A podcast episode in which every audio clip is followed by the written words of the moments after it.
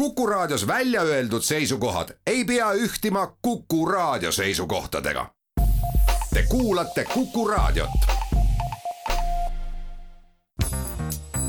järjejutt.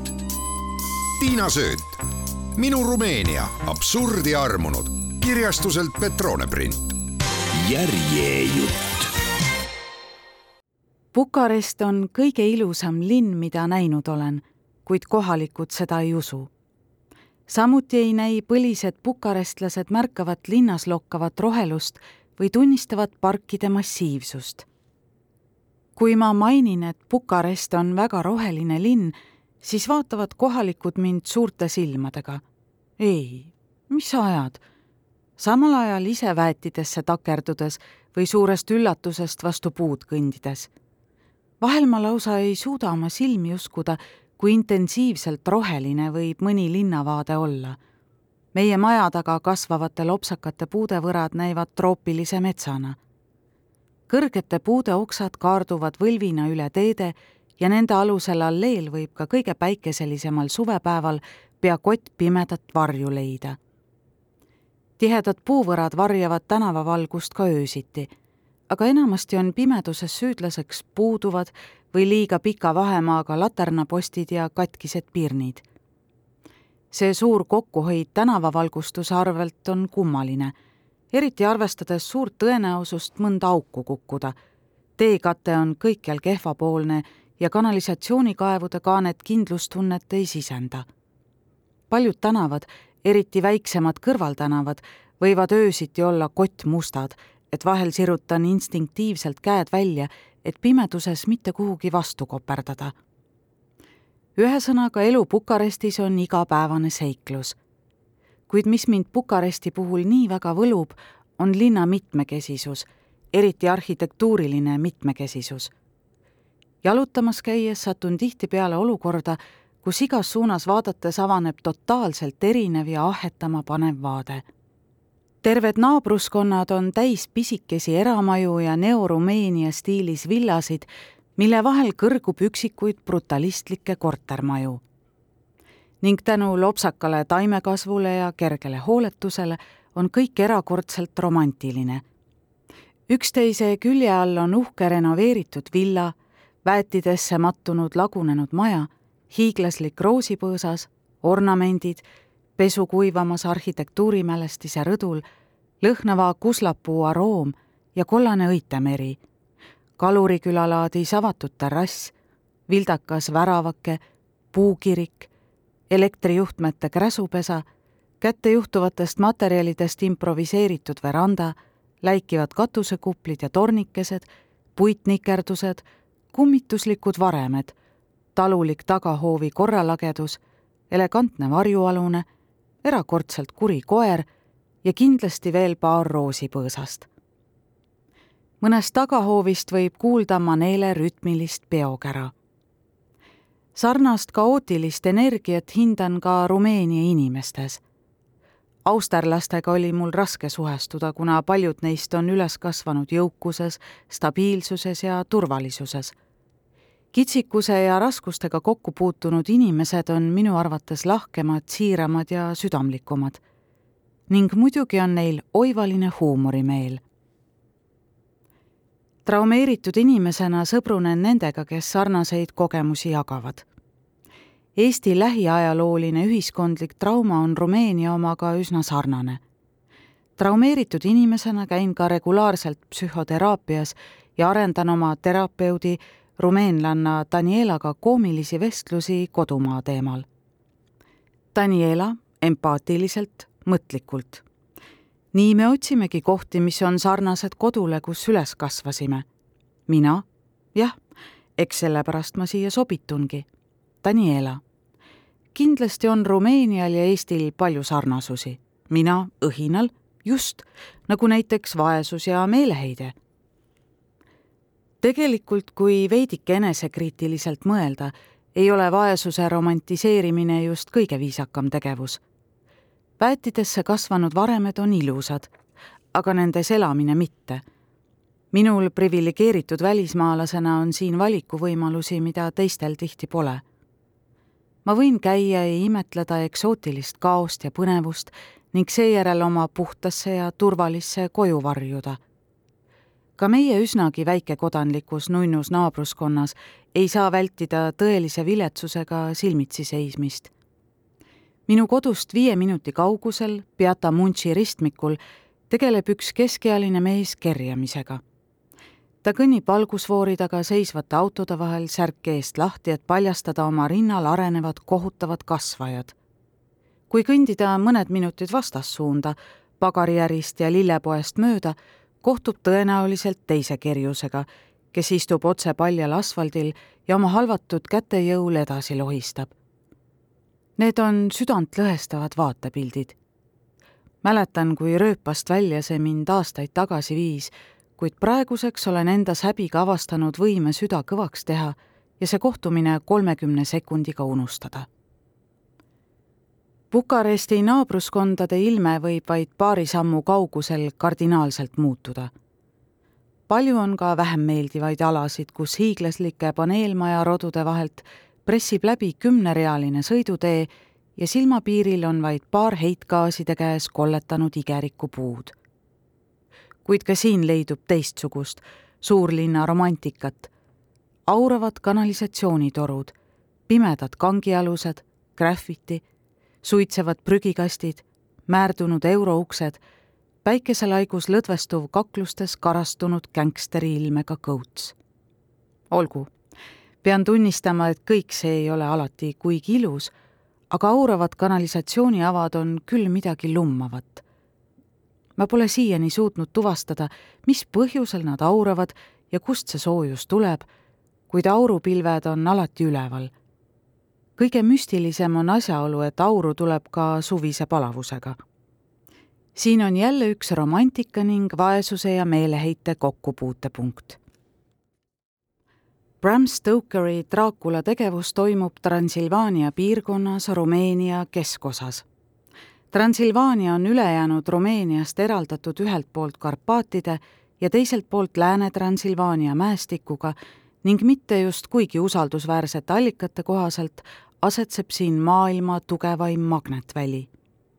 Transilvaania ja Dracula lossi kirjeldused eitas Stoker teadmiste põhjal, mis ta etnograafia raamatutest leidis. Rumeenias ei käinud ta tegelikult kunagi vampiirilugu oli samuti inspireeritud Rumeenia rahvapärimuse kirjeldustest ja kohalikest luupainajate legendidest. teatavasti sai Bram Stoker Dracula loo jaoks inspiratsiooni kohalikust folkloorist, kus nii mõnelgi mütoloogilisel olendil on vere imemise komme küljes. Transilvaania külades usuti näiteks kurjadesse vaimudesse. Steregoi või Strigoi kes päeval hariliku inimesena oma igapäevaseid asju ajasid. kuid öösel, magades, lahkus nende hing kehast, et südaööst esimese kukeleeguni külainimesi ahistada ja nende unenägusid kummitada. mõni striigoi läks isegi nii kaugele, et võttis koera, konna, kirbu või lutika kuju, et ilusate noorte naiste verd imeda. ma täpselt ei kujuta ette, kuidas koer või konn verd imeb, aga eks neil olid selleks oma ametisaladused. Striigoiks võis sirguda ükskõik milline patuelu elav inimene, kes oli oma peres seitsmes poeg või seitsmes tütar. mõni striigoi oli ilmselt oma õdede-vendade arvust nii heitunud, et kimbutas oma pereliikmeid kuni nende surmani.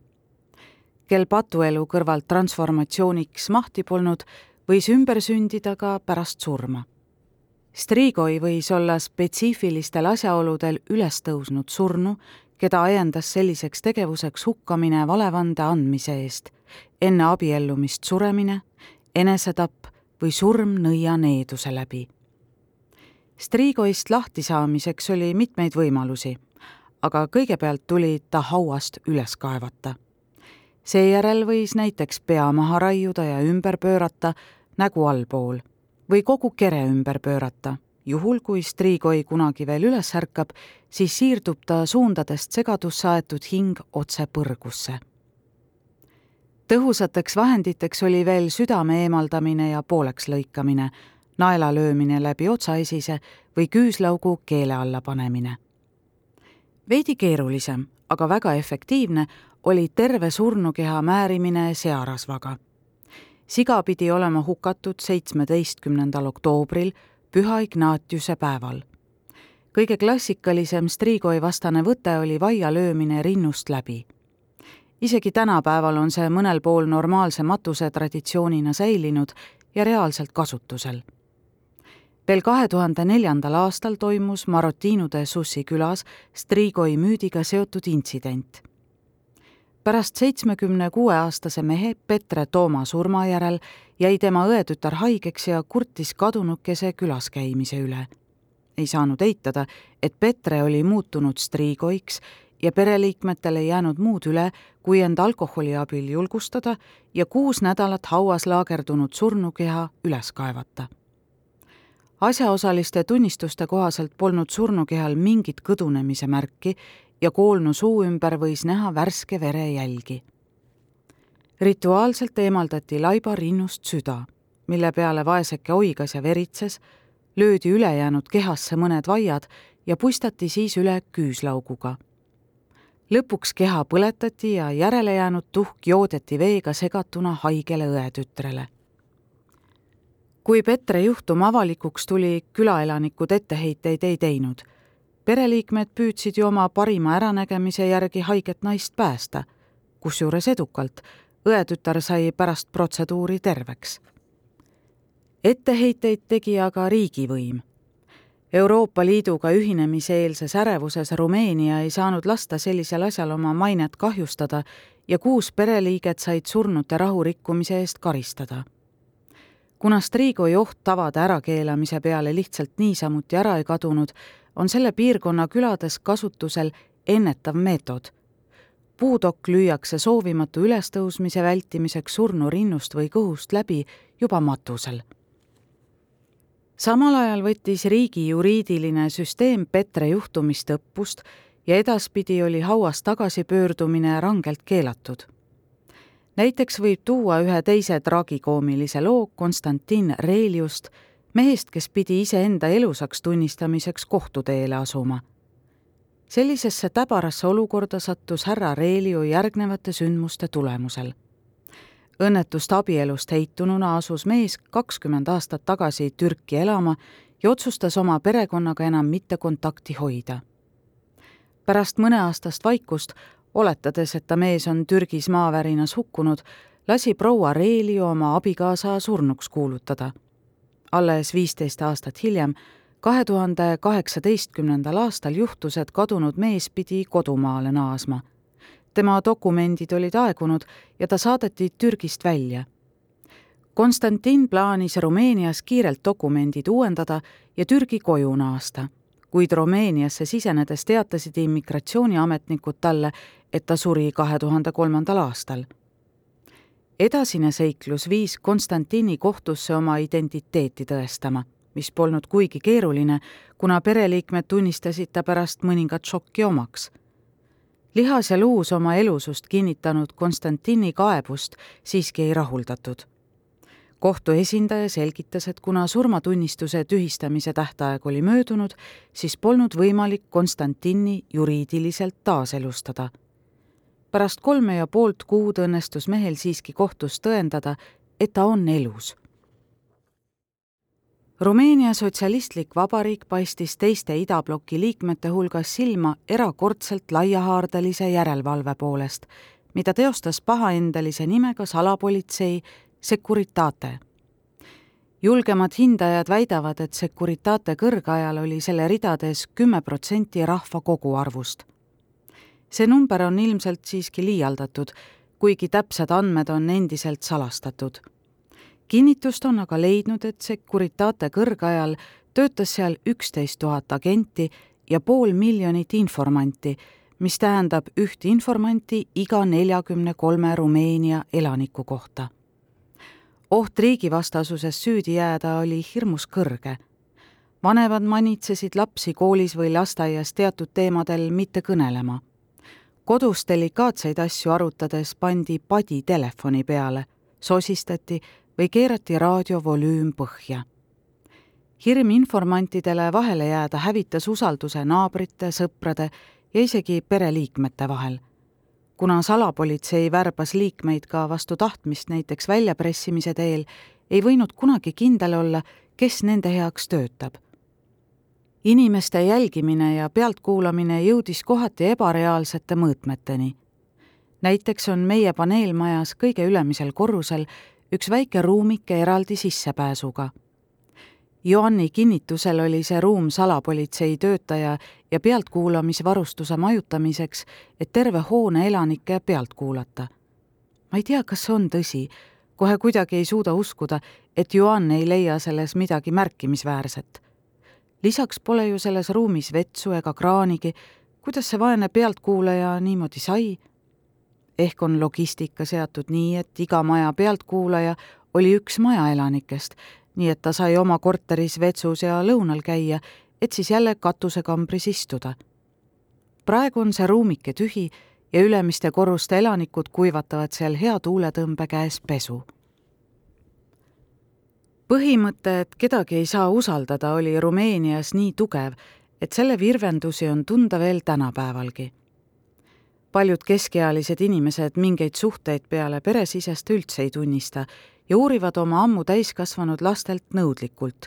milleks sa välja lähed, miks sul on vaja kokku saada, milleks sul sõpru vaja on. kõige parem on jääda turvaliselt oma pereringis koduseinte vahele ja sealt väljuda ainult äärmisel vajadusel. Lisaks laiahaardelisusele olid Securitatel ka julmad võtted, pikad vanglakaristused, sunnitöö, psühhiaatriahaiglas kinnihoidmine, piinamine ja salapärased kadumised. üks tuntumaid juhtumeid on tuhande üheksasaja seitsmekümne seitsmenda aasta kaevurite streigi eestvedajate seletamatu haigestumine ja surm. eesmärgiga vähki esile kutsuda, kiiritati neid rutiinsel arstivisiidil röntgenkiirusega viis minutit järjest. Securitate organisatoorsed võimed olid erakordsed. selleks, et kellegi koju mikrofonid paigaldada, lihtsalt korraldati nii, et terve pere, vahel ka naabrid ja paneelmaja hooldustöötajad juhtusid samal päeval sõitma komandeeringusse või õppereisile ja Securitate agendid said rahulikult tegutseda. Securitate kaasaegseks järeltulijaks on koguni mitu asutust.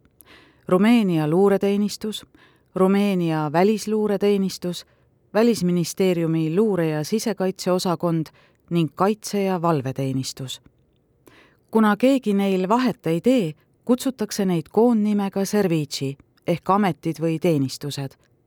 pärast iseseisvumist on servitsi Securitate saladusi tasapisi avalikustama hakanud ja igal inimesel on õigus enda kohta käivate dokumentidega tutvuda.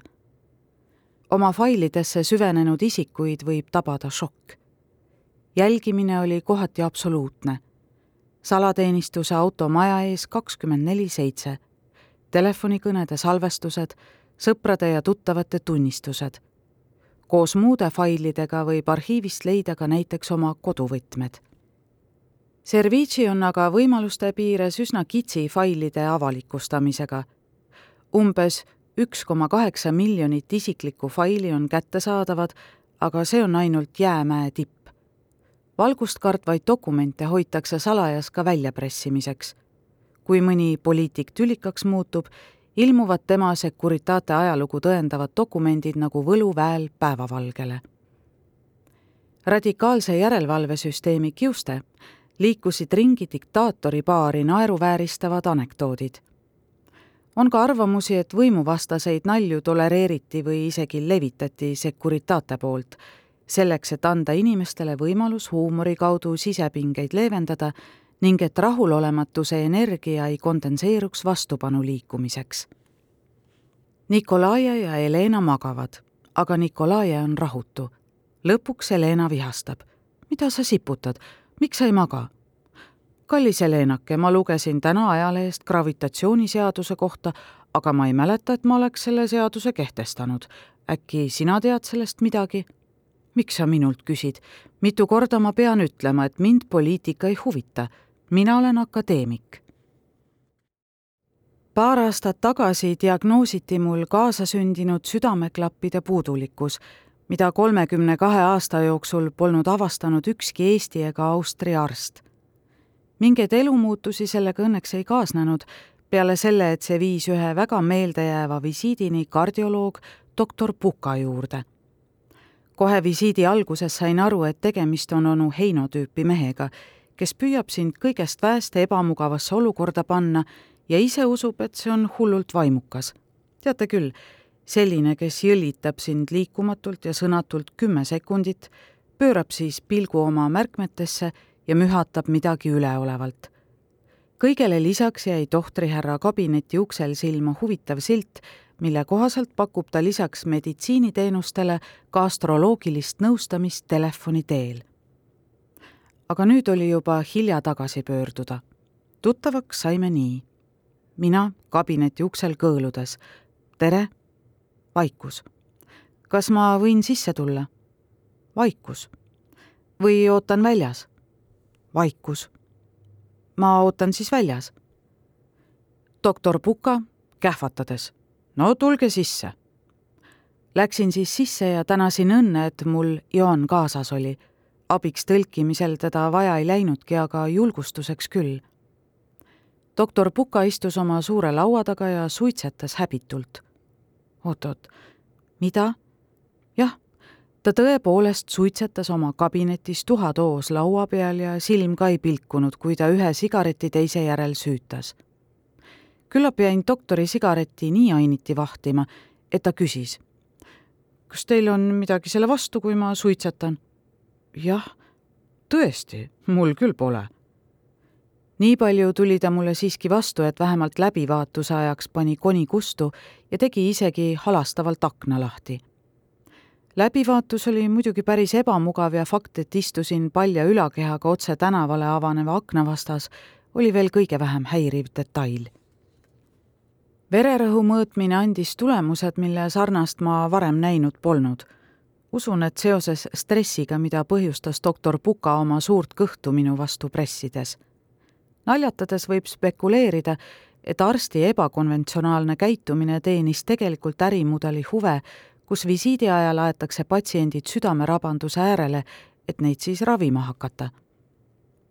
lõpetuseks ropsas doktor Puka lohakalt paar sensorit minu küljest lahti ja jättis mu ilma seletusteta ülejäänud juhtmetega istuma nagu roboti. nokkisin siis häbelikult ülejäänud andurid oma naha küljest lahti ja uurisin. kas te leidsite midagi? doktor Puka, pange riidesse avastasin, et seisan jätkuvalt paljaste rindadega keset kabinetti. ahah, ma panen riidesse, aga mis te siis leidsite? aga mis täpsemalt diagnoos on, ei jäänud ma rahule. perearsti kahtlus oli õige, teil on mitraalklapi puudulikkus. aga peate veel ultraheli uuringutele minema. ärge närveerige, see ei ole midagi hirmsat. kas on midagi, mida ma teadma peaks, midagi, mida ma teha ei tohi?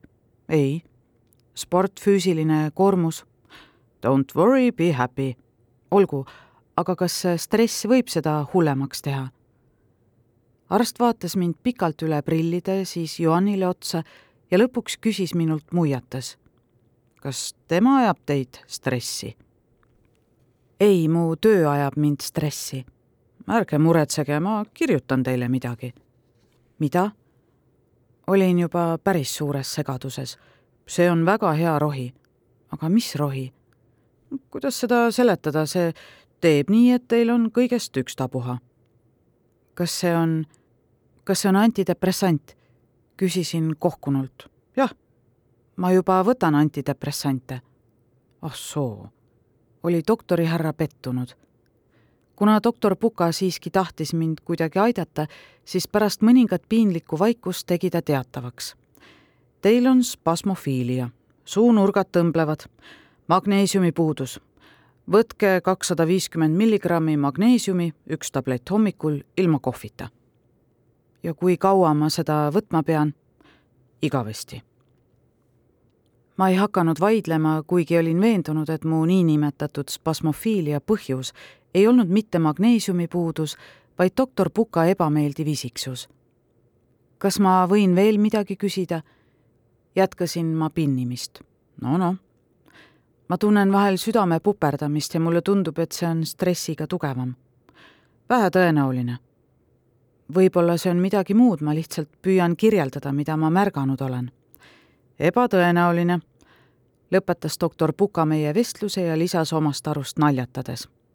Lõpetage muretsemine, ma räägin teie abikaasaga. ülejäänud vastuvõtuaja jutustas ta Jooniga rumeenia keeles, samal ajal kui mina kohmetult jalgu kõlgutasin nagu kuueaastane laps kabinetist lahkudes olime Joaniga mõlemad sellest ootamatust elamusest mõtlikud ja hajameelsed. teel trepist alla pudenesid Joanil minu dokumendid käest maha. sul on ka spasmofiilia, arvasin mina. Õigluse jalule seadmiseks teen teatavaks, et puka tähendab rumeenia keeles kannikat. kummatigi on puka levinud perekonnanimi, mistõttu on rahvapärimuses talletunud järgmine vingerpuss alustuseks tuleb telefoniraamatust otsida välja mõni Puka-nimeline inimene ja talle helistada. jaa. halloo, kas proua Puka? jah. kas härra Puka on ka kodus? jaa, on küll. ahah, väga hea, siis on terve tagumik koos. usun, et rumeenlaste kalduvus maagilisele mõtlemisele on mingil viisil ikka õigeusuga seotud. isegi kui inimene on veendunud ateist imbub midagi kogu sellest õigeusu rikkalikust kultuurist aiu. kuidas jääda pragmaatiliseks, kui sulle koolis ingleid õpetatakse? nii ongi tihtipeale kristlusega läbi põimunud puhas nõiakunst. Kuidas on lood nõidadega nooremas generatsioonis? tean, et Joani sõbranna Marina on nõiakunstihuviline ja uurisin ta käest selle kohta. Marina rääkis. minu jaoks on nõiakunst parapsühholoogia rituaalide läbiviimine on sama, mis mõne teise inimese jaoks palvetamine. kõige rohkem mõjutab see su enda psühholoogiat. sa keskendud sellele, mida sa näiteks elus saavutada soovid ja tänu sellele sa alateadlikult leiad viise, kuidas selleni jõuda. aga kust sa selle kohta infot saad, et kuidas mingeid rituaale läbi viia? uurisin mina edasi Rumeenias on võimsate Rooma nõidade dünastia, kus need teadmised põlvest põlve edasi pärandatakse. mul ei ole muidugi nendega midagi pistmist. pigem ma loen Euroopa paganlike liikumiste materjale ja kombineerin enda jaoks, mis mulle sobib. nõiakunst on siis päris loominguline? jah, ma kasutan loitsude tegemiseks küünlaid, eeterlikke õlisid, lavendlit, rosmariini aga ma ei tee kunagi nõidusi, mis kellelegi midagi halba teeksid nii tood sa ainult endale vihkavat ja negatiivset energiat kaela, mõtiskles Marina. tegelikult ükskord ma tegin loitsu ühe inimese jaoks, kes pidevalt teisi ära kasutas ja üldse inimestega väga isekalt ja vastutustundetult käitus. Aga see ei olnud talle halva tegemise loits. see oli peegel, mis peegeldas talle tagasi seda, mida ta ise välja saatis. ja see mõjus. kas nõiakunst on tavaline? kas sa tead veel inimesi, kes igapäevaelus nõiakunsti harrastavad? ma tean kedagi, kes oma hingelooma abil karjääri edendas. ebausk on siin ortodokses riigis väga levinud. näiteks lapsepõlves oli meil vahel kurjasilma probleem. See käis nii, et kui käisime väljas ja kohtasime palju inimesi ning pärast oli mul halb tuju või paha olla, siis vanemad ütlesid, et see on kuri silm selle neutraliseerimiseks lamasin diivanil, pea isa süles. isa silitas mu otsaesist ja pobises meie isa palvet. kui ta lõpuks haigutas, tähendas see, et kuri silm on neutraliseeritud. see oli täiesti tavaline, argine asi. ja kuidas see kuri silm üldse tekkis? See võis tekkida sellest, kui mõni täiskasvanu lapsele komplimente tegi mul on lapsepõlvest nii pähe kulunud, kui mõni sugulane minu juurde tuli oi küll sa oled armas, püi-püi-püi, mitte kurja silma. iga kiituse juurde lisati püi-püi-püi, et kurja silma ära hoida. Joon, kas sinu vanemad ka sul kurja silma ravisid? uurisin uudishimulikult. ei, vastas Juhan. Neil oli palju tegemist. Nad lihtsalt vältisid kurja silma tekkimist sellega, et mul pidi alati midagi punast seljas olema, kui ma lasteaeda läksin. see neutraliseeris. Marina rääkis edasi mu vanatädi oli oma külas praktiseeriv nõid. lapsena ma vahel kuulsin pealt, kuidas ta oma sõpradega loitsude koostisosi arutas. kahjuks ma sel ajal mõtlesin, et see on kõige suurem lollus üldse. oleks pidanud ikka rohkem kuulama. kas sul üldse midagi on meelde jäänud? Mäletan, et paari lahkuajamise jaoks oli vaja mulda kahe maja juurest, mis on üksteise poole tagaküljega. ülejäänud komponente kahjuks või õnneks ei tea. mingil muul otstarbel kasutas mu vanatädi näiteks vett uuest kaevust, kust polnud veel kunagi joodud. ja muidugi lihavõtetel süüdatud küünlad olid väga olulised. küünla pidi süütama preester, muidu ei olnud sel piisavalt väge. ja preestrid tolereerivad sellist paganlikkust olin mina üllatunud. nojah, mis neil üle jääb, arvas Marina, aga Johan lisas. ma küll olen kuulnud, et mõned preestrid keelduvad tuld andmast, kui näevad, et külanõid tuleb sületäie küünaldega. Rumeenia võimsamad nõiad tegutsevad Mogošoaia külas, Bukaresti külje all. Nad töötavad nii musta kui valge maagiaga. usk jumalasse ei välista koostööd kuradiga ning kirikus saab mustamaagia kasutamise eest andeks paluda.